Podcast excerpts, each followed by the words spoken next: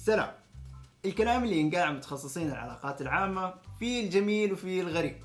معكم سلطان سامي متخصص علاقات عامة. اليوم أشارككم توب فايف أغرب خمسة عبارات راح تسمعها عن متخصصين العلاقات العامة.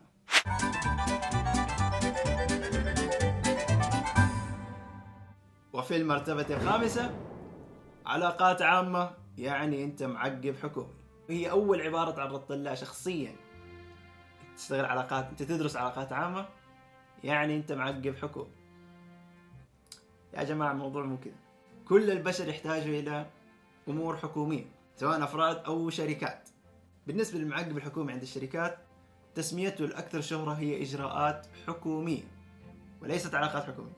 بالنسبة للأفراد بتكون من خلال مسمى مخلص حكومي أو مخلص إجراءات أو ممكن كمان بتكون من خلال تسمية معقب حكومي أو مراجعات حكومية. وفي المرتبة الرابعة سبعة صنايع والبخت ضايع. بالضبط. أنتوا حقون العلاقات العامة تشتغلوا إيش بالضبط؟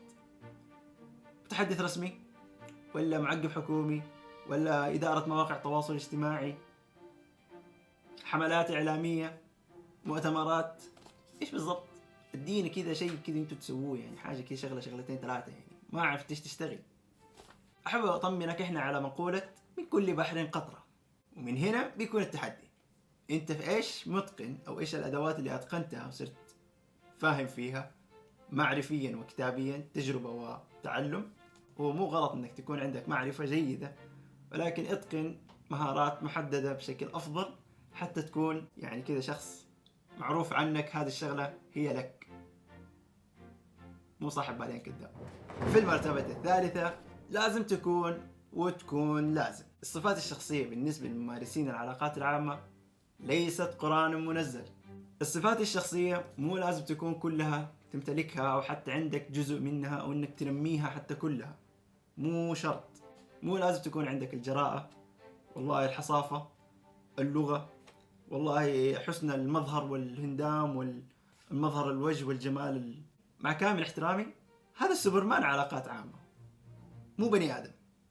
ركز في جوانب اللي انت مبدع فيها اللي انت تحبها. انت كاتب جيد ركز في اللغة ركز في طريقة العرض طريقة الخطابة عرض القصة. هذه أشياء مهمة. يا صديقي ترى الموضوع تكاملي. انت تشتغل جزء وغيرك يكمل الجزء. انت ممكن تشتغل خلف الكاميرا وغيرك يشتغل أمام الكاميرا. وغير الناس هذه كلها بيجيك ناس بتقيم العملية والحالة والأمور طيبة. واحد جيد في التحليل. وفي المرتبة الثانية تخصصكم له مستقبل. حاب أطمنك واطمئن حتى وإحنا في عالم الرقمنة وعالم الانتقال إلى الأتمتة وعالم اللي هو الديجيتال. هدي. طالما في بشر طالما في علاقات عامة. انتهينا. وأخيرا وفي المرتبة الأولى واقع العلاقات العامة مختلف عن الجانب النظري. إيش من كارثة؟ أربع سنوات تدرسها بكالوريوس سنتين ماجستير من سنتين إلى ثلاث سنوات دكتوراه. برغم من هذا كله يجيك واحد يجي يقول لك الشغلة ما تحتاج دراسة. اقرأ لك شوية كتب وشوية فلسفة إدارية وغيرها أمورك مية في المية. إيش من كارثة؟ حط النظريات والجوانب كلها على جنب وركز في الجانب التطبيقي أو الميداني. لا يا حبيبي موضوع مو كذا. الارتباط بين الجانب النظري والجانب التطبيقي هو ارتباط واحد. ما راح ينفك. كل ما زاد حصيلتك العلمية زاد حسن التعاون والتعامل مع الجانب التطبيقي. راح تقدر تفسر الواقع أكثر وتقدر تتنبأ بحالات مشابهة بعد كذا وتقدر تتعامل معها بشكل جيد.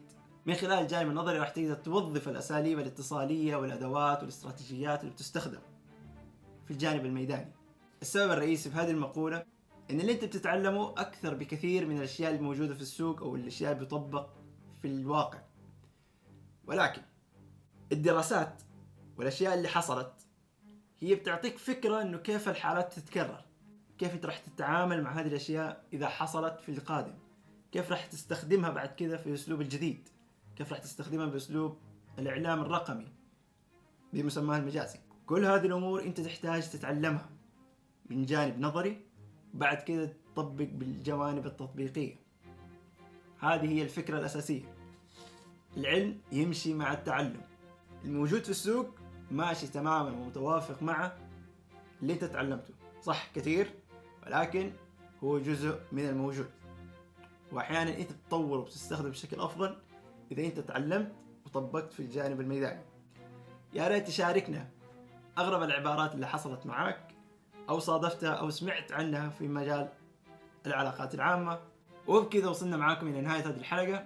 يا رب تكونوا مليكين مشتركين ومشيرين. إلى هنا هنا سطام هنا كنة علاقات سلام.